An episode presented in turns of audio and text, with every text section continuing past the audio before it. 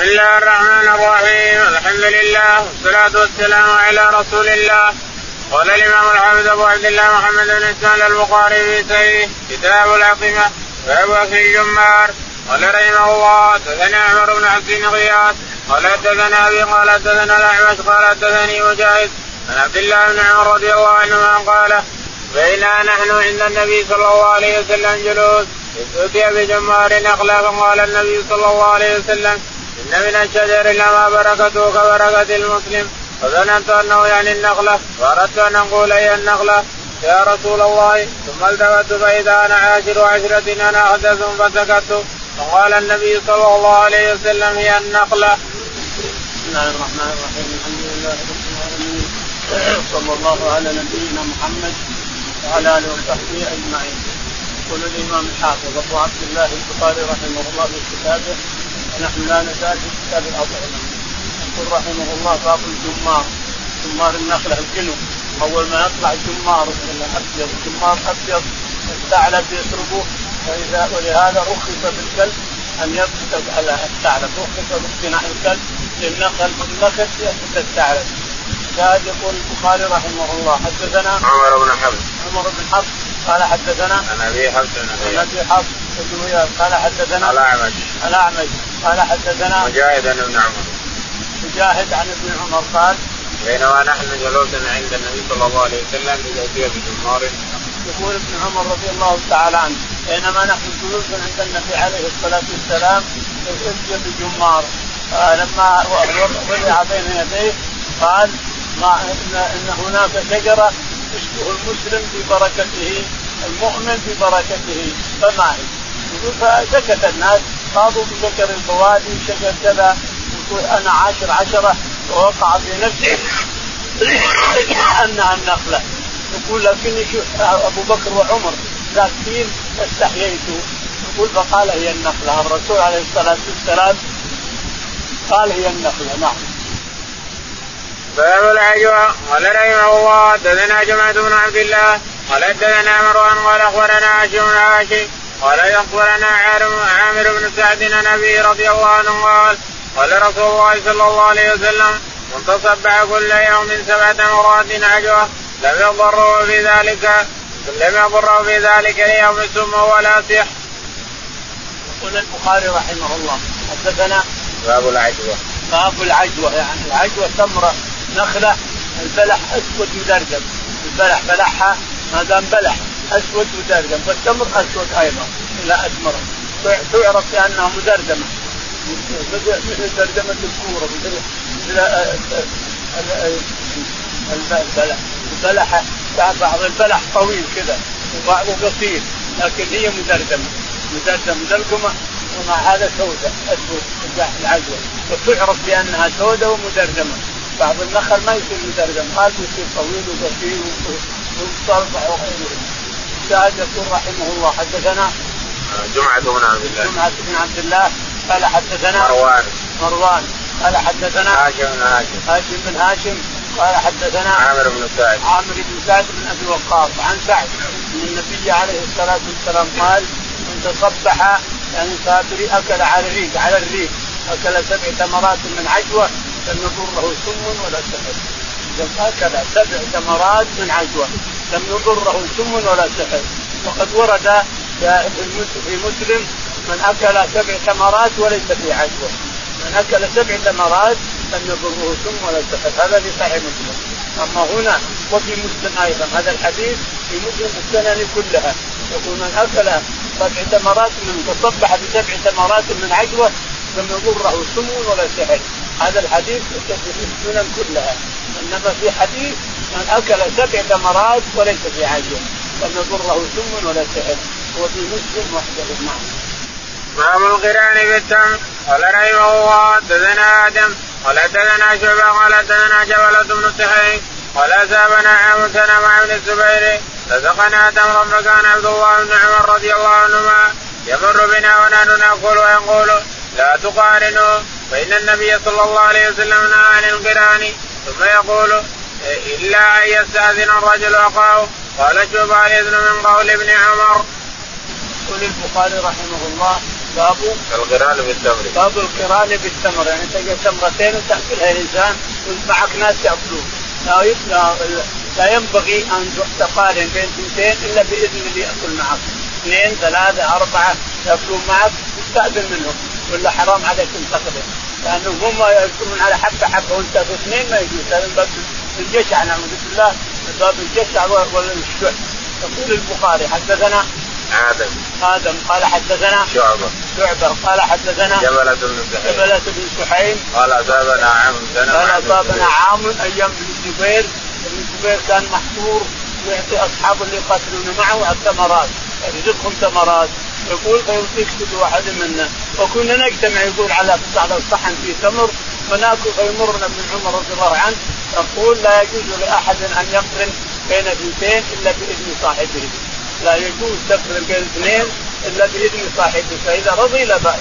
إذا ما رضي ما يجوز. ما يجوز تقرن اثنين وهو ياكل على حبة. حبه وتاكل اثنين يجوز على الجشع نعوذ بالله قال شوبة الاذن من قول ابن عمر قال قول إلا بإذنه. هذا من كلام ابن عمر ما هو من الحديث. نعم.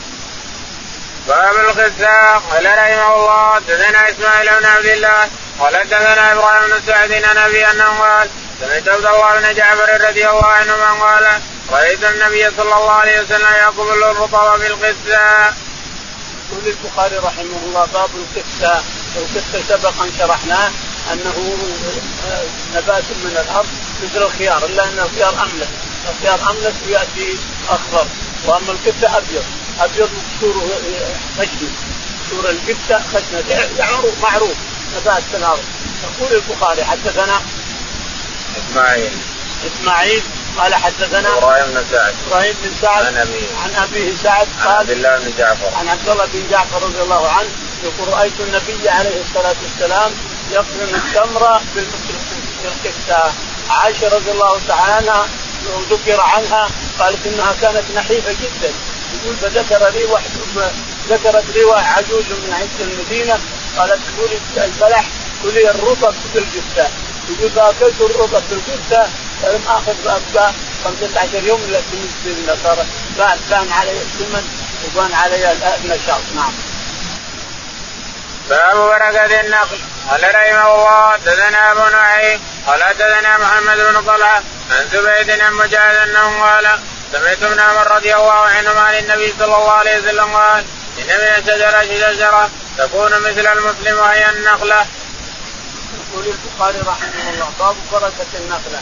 يعني المؤمن مبارك المؤمن المخلص مبارك والنخلة مثله مباركة. يقول حدثنا أبو نعيم. أبو نعيم. قال حدثنا محمد بن طلحة. محمد بن طلحة قال زبيد اليامي. عن زبيد اليامي. عن مجاهد. مجاهد. عن ابن عمر. عن ابن عمر رضي الله تعالى عنه أن النبي عليه الصلاة والسلام قال إن من الشجر شجر تسقه المؤمن. مباركة تسقه المؤمن لا يسقط ورقها يقول وقع الناس في الوادي ثم لم يعرفها أحد فقال هي النخلة نعم. باب جمع اللونين أو الطعامين بمرة قال رحمه الله حدثنا ابن مقاتل قال أخبرنا عبد الله قال أخبرنا إبراهيم بن سعد عن أبيه عن عبد الله بن جعفر رضي الله عنهما قال رأيت رسول الله صلى الله عليه وسلم يأكل الرطب بالكساء. يقول البخاري رحمه الله باب جمع الطعامين مرة بمرة. يعني تأكل طعامين مرة واحد. جائز هذا. تأكل طعامين بصحن من صحن واحد. حدثنا ابن مقاتل محمد. ابن مقاتل محمد. قال حدثنا عبد الله بن مبارك بن المبارك قال حدثنا إبراهيم بن سعد. إبراهيم بن سعد. عن أبيه. عن أبيه سعد. عن قال عبد الله بن جعفر. عن عبد الله بن جعفر رضي الله تعالى عنه. قال رأيت النبي عليه الصلاة والسلام يأكل الرطب بالقسة يعني يأكل طعامه. رطب وقسة كلها طعامه باب من البيان اكل الطعامين سواء رطب قسة سواء تمر اخر ومعه شيء سواء طعام مطبوخ وطعام مطبوخ اخر كله جائز هذا الخلط بين طعامين في مرة واحدة تأكل منها لسان سواء مطبوخ أو لحم مع مع كذا أو شيء من هذا كله جائز نعم.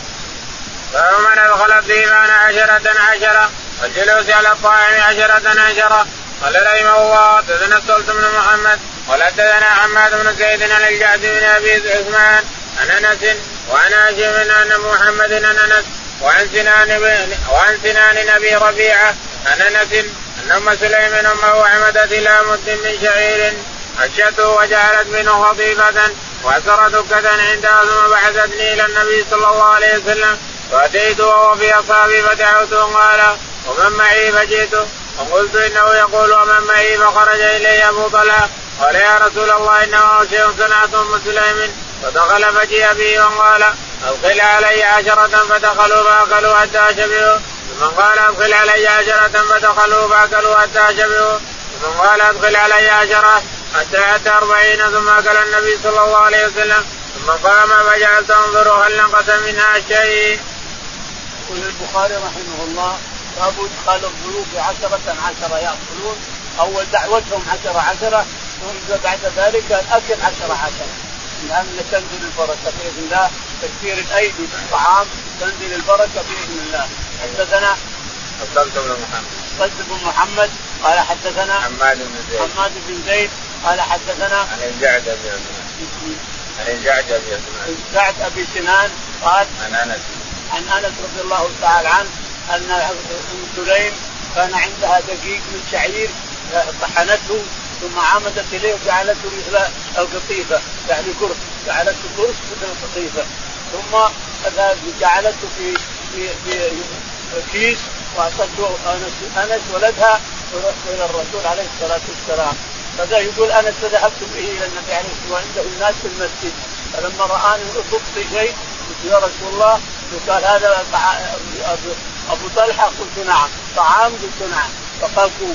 فقام في المسجد جميعا 80 نفر.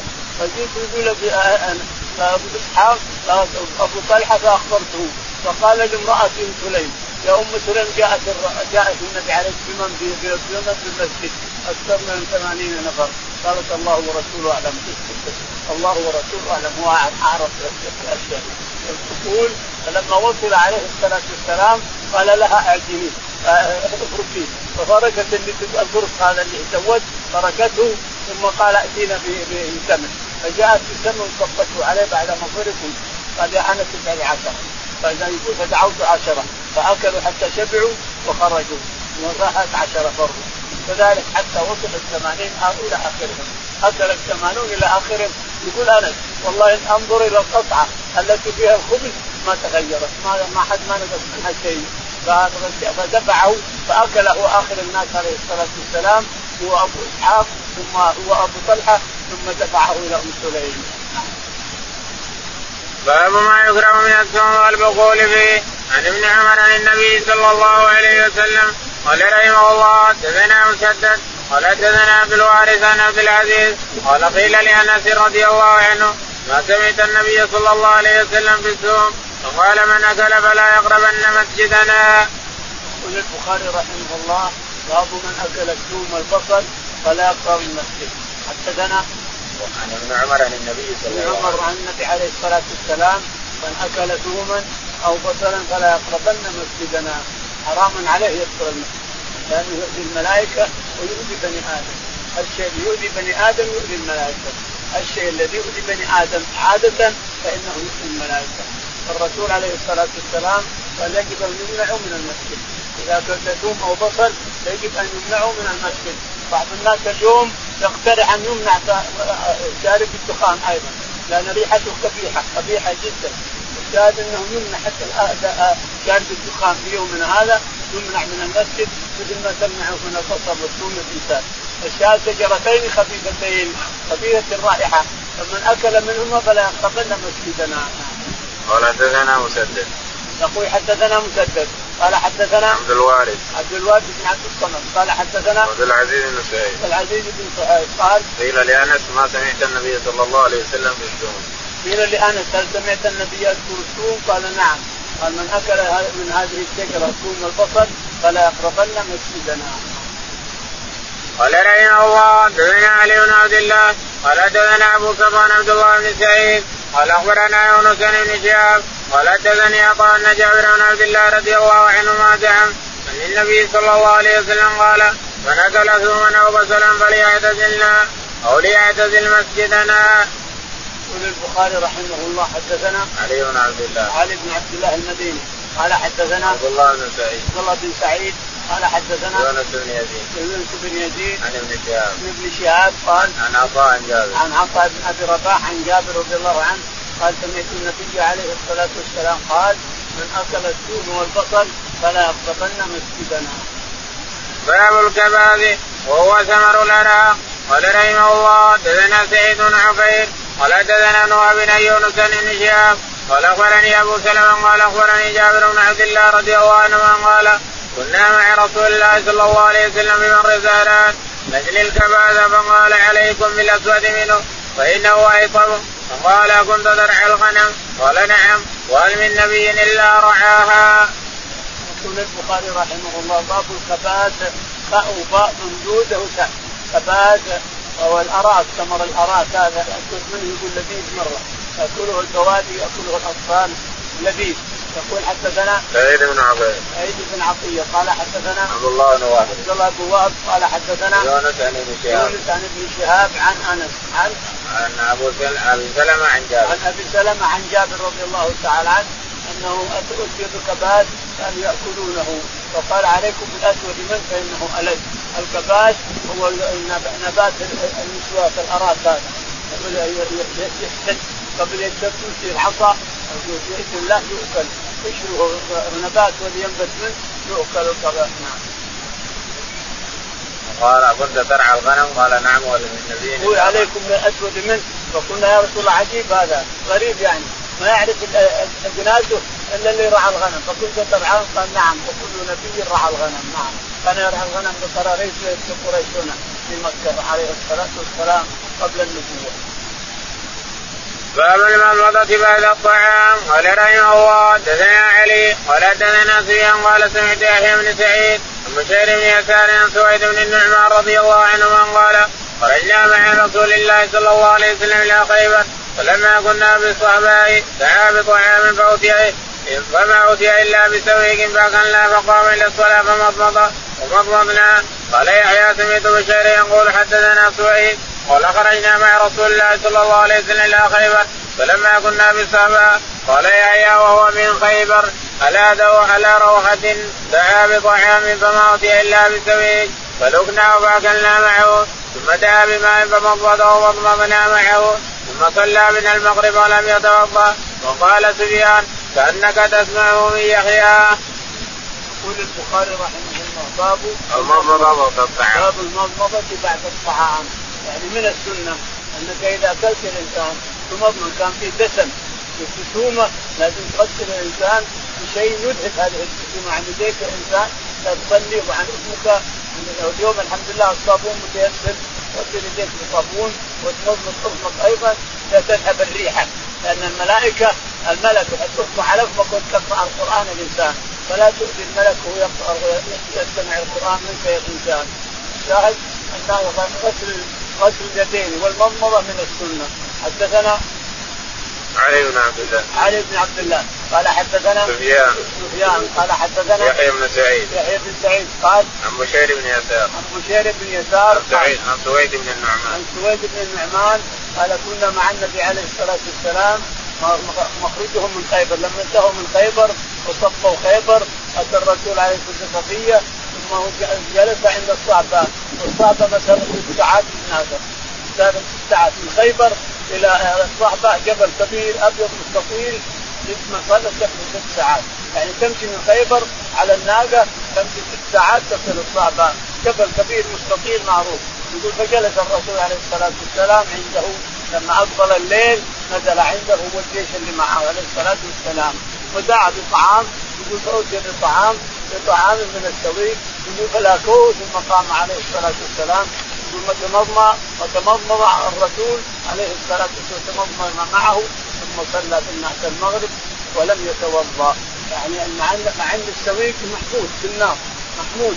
هذا خلافا للأحناف اللي يرون أنه لابد كل مطبوخ لازم الإنسان ينقض الوضوء يتوضأ يقول فمضمض اضمض وصلى بالناس ولم يتوضأ. هذه القصة غير قصة العرس. وإيلام الرسول عليه الصلاة والسلام. الإيلام هذا جرى بالليل ولما أصبح دعا بالأمطعة ودعا بالادويه فوتي بأقط وتمر وسويق وغيره. هذه وليمة العلم. أما هذه هي عشاء. أتى أوتي بسويق فتعشى الصحابة رضي الله عنهم ثم مضمض وصلى بالناس. باب العقل الاصابع الصيام قبل أن تمسح بالمنديل. قال رحمه الله حدثنا علي بن عبد الله قال حدثنا سفيان عن عمرو بن دينار عن عطاء عن ابن عباس رضي الله عنهما أن النبي صلى الله عليه وسلم قال إذا أكل أحدكم فلا يمسح يده حتى يلعقها أو يلحقها. يقول البخاري رحمه الله باب لعق الأصابع لأنك ما تدري البركة فين. في في أصابعك الإنسان في يدك أو بالصحن أو بالملعقه ما تدري البركة في أي شيء. فلازم تلعق أصابعك وتلعق الملعقة وتلعق الصحن لأنك ما تدري أي البركة في أي هذا ولا هذا ولا هذا. البركة ينزلها الله تعالى وتقدس في الطعام لكن ما ندري في أي في أي الأواني شيء. في بصابعك الإنسان في بالصحن في بالملعقه اللي تأكل فيها. ما تدري الإنسان غير فمع هذا انك تلعق اصابعك تلعق الصحن تلعق جميع الطعام الأواني اللي بين يديك العقها الإنسان. لأنك ما تدري البركة في ايهما يقول البخاري حدثنا علي بن عبد الله. علي بن عبد الله قال حدثنا سفيان بن عيينة. سفيان بن عيينة قال حدثنا عمرو بن دينار. عمرو بن دينار قال عن عطاء بن عباس. عن عطاء عن ابن عباس رضي الله عنهما قال قال النبي صلى الله عليه وسلم إذا أكل أحدكم فلا يمسح يده حتى يلعقها يقول النبي عليه الصلاة والسلام إذا أكل أحدكم إذا أكل أحدكم فلا يلعق اصابعه لا تلحس يديه حتى قبل أن تنشفها. أو الحس يديك قبل لا تنشفها بالمنديل إلا إذا بعد ما تلعقها إذا لعقتها ومصيتها الإنسان كلها ونظفتها حينئذ نظفها بالمنديل. إذا كان ما في ماء إذا كان ملمة أحسن. لكن عندهم في البر أو في مكان بس لا يوجد إلا المنديل. فإذا لم تجد المنديل لا تمسحها حتى تلعقها أو تقول لك الغسل أحسن. الغسل بالماء أحسن من المنديل باب المنديل قال رحمه الله حدثنا إبراهيم بن المنذر. قال حدثني محمد بن علي قال حدثني أبي سعيد بن الحارث عن جابر بن عبد الله رضي الله عنهما أنه سأل عن الوضوء مما مسد النار فقال لا فكنا زمان النبي صلى الله عليه وسلم نجد مثل ذلك من الطعام إلا قليلا فإنا نحن وجدناه. لم يكن لنا مناديل إلا كفنا وسواعدنا وأقدامنا. ثم نصلي ولا نتوضا. يقول البخاري رحمه الله. باب المنديل باب المنديل حدثنا إبراهيم بن المنذر إبراهيم بن المنذر. قال حدثنا محمد بن فليح. محمد بن فليح. عن أبيه. عن أبيه فليح. عن سعيد بن الحارث. عن سعيد بن الحارث. قال أنه سأل جابر. أنه سأل جابر رضي الله تعالى عنه عن الوضوء مما مست عن الوضوء مما مست النار. فقال لا. فقال لا ما تتوضأ مست النار. يعني كنا ناكل السويق أو الطعام الذي فيه جسومه ثم نلعق اصابعنا ثم نمسحها ام كان فيه من نغسلها بالماء وإلا نمسحها بالمنديل ونذهب نصلي ما نتوضأ. الا ما لنا مناديل إلا اكفنا ما لنا مناديل أحيانا إلا اكفنا يعني ما في مناشف ولا في حاجة أحيانا ايدينا نمسح واحدة بواحدة ونذهب نصلي ولا نتوضأ. فما يقول إذا فرغ من طعامه قال رحمه الله حدثنا ابو نعيم قال حدثنا سفيان ثور عن خالد بن معدان عن أبي أمامة رضي الله عنه أن النبي صلى الله عليه وسلم كان إذا رفع مائدته قال الحمد لله كثيرا طيبا مباركا فيه غير مقبي ولا مودع ولا مستغنى عنه ربنا. يقول البخاري رحمه الله حدثنا باب ما يقول إذا فرغ من الطعام. باب ما يقول إذا فرغ من الطعام. يقول قبل الطعام بسم الله الرحمن الرحيم. قبل أن يأكل يمد يده إلى الطعام يسمي الله تعالى وتقدم ثم بعد ذلك يأكل فإذا شبع وانتهى ولعق أصابعه يقول الحمد لله الذي قال حدثنا أبو نعيم. حدثنا أبو نعيم. قال حدثنا سفيان. سفيان. قال حدثنا ثور. ثور. قال عن خالد بن معدان. خالد بن معدان. عن أبي أمامة. عن أبي أمامة. قال النبي صلى الله عليه وسلم كان إذا رفع مائدته قال. إن النبي عليه الصلاة والسلام كان كان إذا رفعت المائدة قال الحمد لله كثيرا. الذي أطعمنا؟ الحمد لله كثيرا طيبا مباركا. الحمد لله كثيرا طيبا مباركا. غير مكفي ولا مودع. غير مكفي ولا مودع. ولا مستغنى عنه ولا ربنا مستغنى عنه ربنا. قال رحمه الله حدثنا أبو عاصم قال وفي حديث ورد. الحمد لله الذي أطعمنا وسقانا وشفانا وكفانا فكم من لا مطعم له ولا مأوى. أيضا هذا بعد الأكل. إذا انتهيت من الأكل الإنسان. وأردت أن تغسل الحمد لله الذي أطعمنا وسقانا وشافانا وكفانا فكم ممن لا مطعم له ولا مأوى. يعني انت أطعمك الله سبحانه وتقدس لكن كم من العباد ما له مطعم ولا له مأوى ولا مأكل فأنت تحمد ربك وتشكره الذي أنعم عليك. نعم. قال رحمه الله حدثنا أبو عاصم ثور بن يزيد عن خالد بن معدان عن أبي أمامة رضي الله عنه النبي صلى الله عليه وسلم كان إذا فرغ من طعامه قال مرة إذا رفع مائدته قال الحمد لله الذي كفانا وأروانا غير مكفي ولا مكفور. وقال مرة الحمد لله ربنا غير مكفي ولا مودع ولا مستغنى ربنا. يقول البخاري رحمه الله حدثنا أبو عاصم. أبو عاصم النبي قال حدثنا ثور بن يزيد. ثور بن يزيد قال عن خالد بن معدان. خالد بن معدان. عن أبي أمامة. عن أبي أمامة رضي الله عنه أن النبي عليه الصلاة والسلام إذا انتهى من الطعام قال الحمد لله الذي كفانا وآوانا. الذي كفانا وآوانا. وأروانا. كفانا واروانا غير مكفي ولا غير مكفي ولا مكفور ولا ربه ولا مستغنى عنه ربنا. ورواية قال الحمد لله ربنا غير مكفي ولا مودع وروايه الحمد لله ربنا غير مكفي ولا ولا مودع ولا مستغنى. ولا مودع ولا مستغنى عنه ربنا. باب الاكل مع القادم. قال رحمه الله حدثنا بن عمر قال حدثنا شعبة محمد بن زياد. أنه قال سمعت أبا هريرة رضي الله عنه النبي صلى الله عليه وسلم قال إذا أحدكم قادمه بطعامه فإن لم يجلس معه فليناول أكلة أو أكلتين أو لقمة أو لقمتين فإنه ولي حره وعلاجه. يقول البخاري رحمه الله باب الأكل مع الخادم أو اعطائه الطعام. إذا جاب لك الطعام تعطيه لقمة ولقمتين من رغب والا تخليه يأكل معك الإنسان. أنت آدم وهو آدم كلكم سواء يقول البخاري رحمه الله حدثنا حفص بن عمر. حفص بن عمر. قال حدثنا شعبة. شعبة.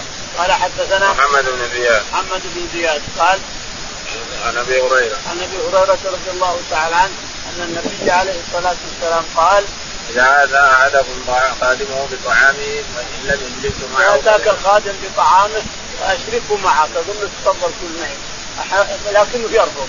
يرفض ناوله لقمه أو لقمتين ولا أبكي له. إذا رفض أيضا أن يأخذ اللقمه واللقمتين لأن بعضهم يتأثر يعزز نفسه ويرفض أن يأخذ اللقمه وهو واقف أو اللقمتين. فإذا لم يأخذها لا كذا ولا كذا فأبقي له لقمة ولقمتين بالطعام إذا إذا غلقت أبقي له لقمة أو لقمتين ياكلها لأن تولى حرة لأنه تولى حرة وبرده تولى الطب وتولى كذا فأعطيه لقمة قبل الأكل أو ادعوه يأكل معك أو أبقي له بالطعام اذا رفض معك. باب الطاعم الشاكر مثل الصائم الصابر فيه عن أبي هريرة عن النبي صلى الله عليه وسلم. يقول البخاري رحمه الله باب الطاعم الشاكر أيهما أفضل؟ هل الطاعم الشاكر أو الصائم الصابر أو الصائم الصابر ايهما أفضل؟ أن يطعم يطعم يأكل ويشكر ربه تعالى وتقدس اما الذي يصوم ويصبر على الصوم ايهما أفضل؟ الصائم الشاكر أفضل ابن القيم رحمه الله له كتاب يسمى عدة الصابرين وذخيرة الشاكرين قارن بين هذا وهذا بين الصائم الصابر وبين الطاعم الشاكر ايهما أفضل؟ قال الطاعم الشاكر أفضل لأن هذا الطعام يتعدى قد يتعدى إلى غيره. الصوم يتعدى يصوم يصوم على نفسه ويصبر على نفسه. أما الطعام فقد يتعدى قد يتعدى إلى غيره ويشكر ربه ياكل الطعام ويشكر ربه. فالطاعم الشاكر افضل أفضل من الصابر من الصائم الصابر. عدة الصابرين وذخيرة الشاكرين تفاضل بين الطاعم الشاكر وبين الصائم الصابر. نعم. باب الرجل إذا إلى طعام فيقول هذا معي. وقال أنس إذا دخلت على مسلم فلا تهم فكل من طعامي واشرب من شرابي. قال رحمه الله حدثنا عبد الله بن أبي الأسود. قال حدثنا أبو سام قال حدثنا الأعمش. قال حدثنا شيخ قال حدثنا أبو مسعود الأنصاري. رضي الله عنه قال كان رجل من الأنصار يكنى أبا شعيب وكان له غلام لحام. فأتى النبي صلى الله عليه وسلم وهو بأصحابه فعرف الجوع. في وجه النبي صلى الله عليه وسلم فذهب إلى غلامه اللحام وقال اصنع لي طعاما يكفي خمسة. لعلي ادعو النبي صلى الله عليه وسلم خامس خمسة؟ فصنع له ضعيفا. ثم أتاه فدعاه فتبعهم رجل. قال النبي صلى الله عليه وسلم يا أبا شعيب إن رجلا تبعنا فإن شئت أذنت له وإن شئت تركته. قال لا بل أذنت له. يقول البخاري رحمه الله باب الرجل يدعى إلى طعام. باب الرجل يدعى إلى طعام ثم يتبعه آخر. أنت دعيت وعزمت الانسان لكن هذاك طفيلي جاب اثنين ثلاثة يمشون وتبعهم. يدري إنهم مدعيين على الطعام ويمكن إنه جايع بعد مسكين فتبعهم بدون أن يدعى تقول لصاحب البيت يا فلان هذا تبعنا وهو يدخل ترى تريد ترى أن يدخل وإلا يرجع. أنت حر. فإن قال يدخل يدخل وإن قال يرجع يرجع لازم يرجع ولا يدخل معه. لأنه فيه مقتصد دخل وهو لم يأذن له يصير مقتصد حرام عليه. الأكل حرام عليه. يقول من طعامه ويشرب من شرابه لا قال حدثنا عبد الله. قال حدثنا عبد الله.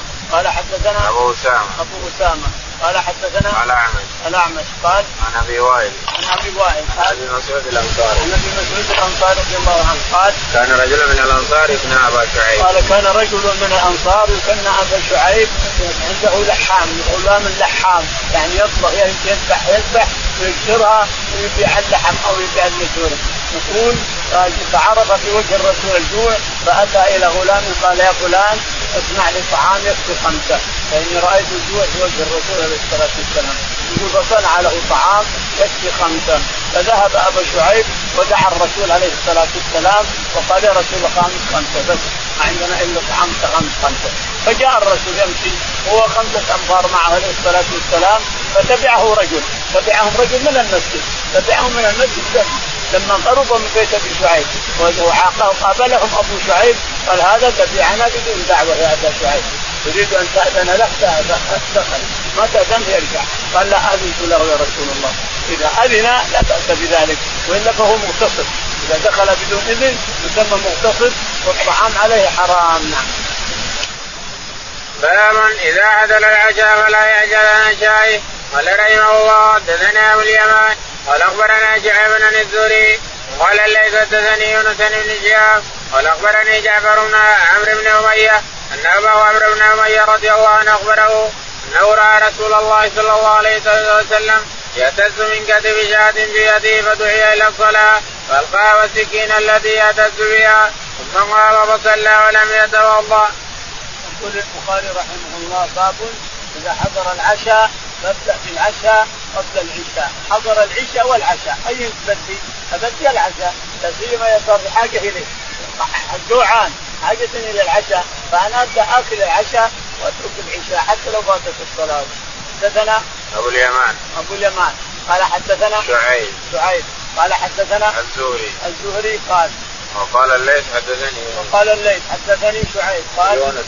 يونس بن يزيد الايلي يعني ابن شعيب ويونس متتابعين عن الزهري قال أخبرني جعفر بن عمرو بن قال أخبرني جعفر بن عمرو بن مية الضمري رضي الله عنه الملقب ساعي الرسول عليه الصلاة والسلام.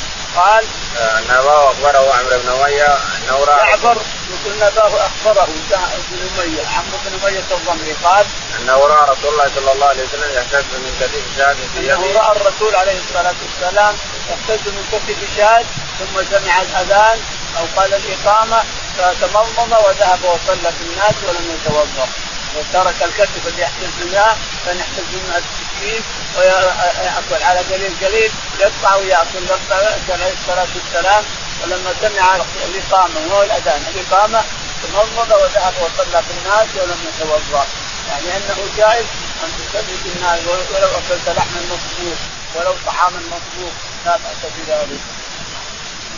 قال رحمه الله حدثنا معل بن أسد قال حدثنا وهيب بن أيوب عن أبي كلابة عن أنس بن مالك رضي الله عنه النبي صلى الله عليه وسلم قال إذا وضع العشاء وقيمت الصلاة فابدأوا بالعشاء وعن أيوب النافع عن ابن عمر عن النبي صلى الله عليه وسلم نحوه وعن أيوب النافع عن ابن عمر أنه تعشى مرة وهو يسمع قراءة الامام. يقول البخاري رحمه الله حدثنا معل بن أسد. معل بن أسد. قال حدثنا وهيب. وهيب. قال عن أيوب. عن أيوب. عن أبي كلابة. عن أبي كلابة. عن انس بن عن مالك أنس رضي الله تعالى عنه أنه قال إن النبي عليه الصلاة والسلام يقول إذا حضر العشاء والعشاء فابدأوا بالعشاء. إذا حضر العشاء العشاء وحضر العشاء فابدأ بالعشاء قبل العشاء. نعم. قال أيوب. وعن أيوب النافع عن ابن عمر. وعن أيوب عن نافع عن ابن عمر بمثله انه إذا حضر العشاء والعشاء فابدا بعشاك الانسان لا سيما إذا كان جيعان ومحتاج إلى العشاء. لأن الصلاة لا ينبغي أن يأتي الإنسان إليها وقلبه مشغول بشيء. أما حاق أو حاقد أو جوعان أو له حادثة ضرورية لا تحضر الصلاة إلا وقلبك فارغ لأجل لا تشوش الإنسان. تصلي لربك والقلب نظيف فارغ فارغ ما في شيء فيه الصلاة لازم أن تفرغ لها يا الإنسان فرغ لها قلبك لا تخلي شيء يلهيك فإذا في عشاء كل العشاء. كل العشاء واترك الصلاة بعد ما تتعشى. صلي الإنسان وأنت قلبك ليس فيه ما يهمه ولا يهمه. نعم. وعن أيوب عن نافع عن ابن عمر أنه تعشى مرته وهو يسمع قراءة عن أيوب عن نافع عن ابن عمر أن ابن عمر رضي الله تعالى تعشى والإمام والقراءة تقرا في الصلاة. يعني الإمام يقرأ القراءة في الصلاة وهو يتعشى لا شك في في العشاء اترك العشاء قال رحمه الله حدثنا محمد بن يوسف قال حدثنا سفيان بن كان عن عن عائشة رضي الله عنها عن النبي صلى الله عليه وسلم قال إذا قيمت الصلاة وحضر العشاء فابدأوا بالعشاء. قال وهيب ويحيى بن سعيد عن هشام إذا اوذي العشاء. البخاري رحمه الله حدثنا محمد بن يوسف. محمد بن يوسف قال حدثنا سفيان. سفيان. قال حدثنا هشام بن عروة. هشام بن عروة. عن أبي. عن أبي عروة. عن عائشة. رضي الله تعالى عنها أن النبي عليه الصلاة والسلام قال إذا أقيمت الصلاة وحضر العشاء. إذا أقيمت الصلاة وحضر العشاء فابدأ بالعشاء واترك الصلاة. في العشاء كالانسان ابدأ بالعشاء وكله واترك الصلاة. وسلم حالك الإنسان ما فيها شيء باب قول الله تعالى فإذا طعمتم فانتشروا قال حدثني عبد الله بن محمد. قال حدثنا يعقوب بن إبراهيم. قال حدثني أبي عن صالح ابن شهاب أن أنس رضي الله عنه قال أنا أعلم الناس بالحجاب. كان أبي بن كعب رضي الله عنه يسألني عنه. أتبع رسول الله صلى الله عليه وسلم عروسا بزين ونت جحش وكان تزوجها بالمدينة فتح الناس لطعام. فاتى ارتفاع النهار فجلس رسول الله صلى الله عليه وسلم وجلس معه رجال بعدما قام القوم. حتى قام رسول الله صلى الله عليه وسلم فمشى. ومشيت معه حتى بلغ باب حجر عائشة. ثم ظن أنهم خرجوا فرجعت معه. فإذا هم جلوس مكان فرجع ورجعت معه الثانية. حتى بلغ باب حجرة عائشة فرجع ورجعت معه. فإذا هم قد قاموا فضرب بيني وبينه سترا. وأنزل الحجاب. يقول البخاري رحمه الله باب الحجاب. يعني الحجاب للمرأة أنها تحتجب لا سيما نساء الرسول عليه الصلاة والسلام يجب أن لا يرى جسدها كله كل بدنها ما يرى. يعني أمهات المؤمنين لكن ما ترى جسدها كله لكن يستر جسدها كله ما تراه الإنسان. لازم تختفي عن الناس لا يرونها وإن كانت من أمهات المؤمنين. حدثنا؟ وقوله تعالى فإذا طعمتم فانتشروا وقوله تعالى فإذا طعمتم فانتشروا ولا مستأنسين الحديث أن ذلكم كان يؤذي النبي فيستحي منكم والله لا يستحي من الحق. يعني لما طعموا ذهب الرسول عليه الصلاة والسلام يدخل على زينب لكن في ناس جالسين. راح وصل عائشة ثم رجع وإذا هم جالسين. بعض الناس ياخذ السوالف وينسى ينسى وين هو فيه في اي أرض هو ثم رجع عليه الصلاة والسلام إلى عائشة ثم رجع وقد خرجوا يقول فدخل عليه الصلاة والسلام يقول أنس وأنس كان في عشر سنوات فدخل وأرخى الستر بيني وبينه وخلاص يعني الحجاب أحضر من قصه زينب من عرس زينب. قال حدثني عبد الله بن محمد. يقول حدثنا عبد الله بن محمد.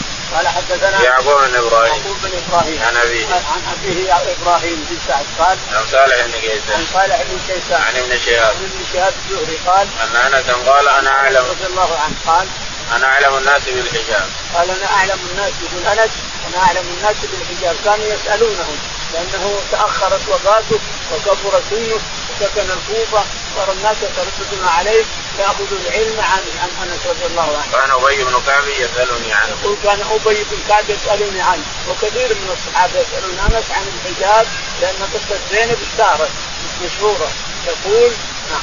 اصبح رسول الله صلى الله عليه وسلم عروسا بزينب أصبح الرسول عليه الصلاة والسلام عروسا بزينب وكانت تحت زيد بن حارثة غلامه مولاه ولكن الله تعالى تقدس أراد أن يجي يجي يخبر الناس انه أنك يجوز أن تتزوج الإنسان اللي كانت تحت غلامه فتعبد اعتدته أو ما اعتدته ثم طلقها العبد لك أن تتزوج ما تحته لك أن تتزوج امرأة عبدك هذا إجازة من الله تعالى إخبار يرينا أنه يجوز لك أن تتزوج امرأة عبدك التي طلقها. تزوجها الإنسان. وزيد بن حارثة كانت تحته زينب. وكانت تتذمم منه وهو يتذمم منها. والرسول يقول أمسك عليك زوجك يا زيد أمسك عليك زوجك. يقبل الله تعالى وتقدس وتخفي في نفسك كما الله مبديه تخفي في نفسي الوحي اللي نزل. أخبره الله تعالى أنها زوجته. أخبره رب العالمين أنه إذا طلقها زيد يتزوجها لكن كتمه عن الناس. وتخفي في نفسك كما الله مبديه وتخشى الناس والله حق تخشاه الشاهد أن زينب يقول أنس رضي الله تعالى لما تزوج الرسول زينب اولم بشاة أو اولم بكذا. ثم بعد ذلك لما أكل الناس تفرق الناس ما عدا اثنين أو ثلاثة أخذهم الكلام صاروا يتكلمون يقول فجاء الرسول وإذا هم جلوس فذهب إلى عائشة وصل إلى بيت عائشة ولم يدخل. ثم رجع وإذا هم خرجوا. فيقول فدخول أنس فدخل على زينب رضي الله عنها عليه الصلاة والسلام. يقول الستر بيني وبينه ومن هنالك نزل الحجاب الكامل للمرأة مرأة الرسول زوجة الرسول عليه الصلاة والسلام.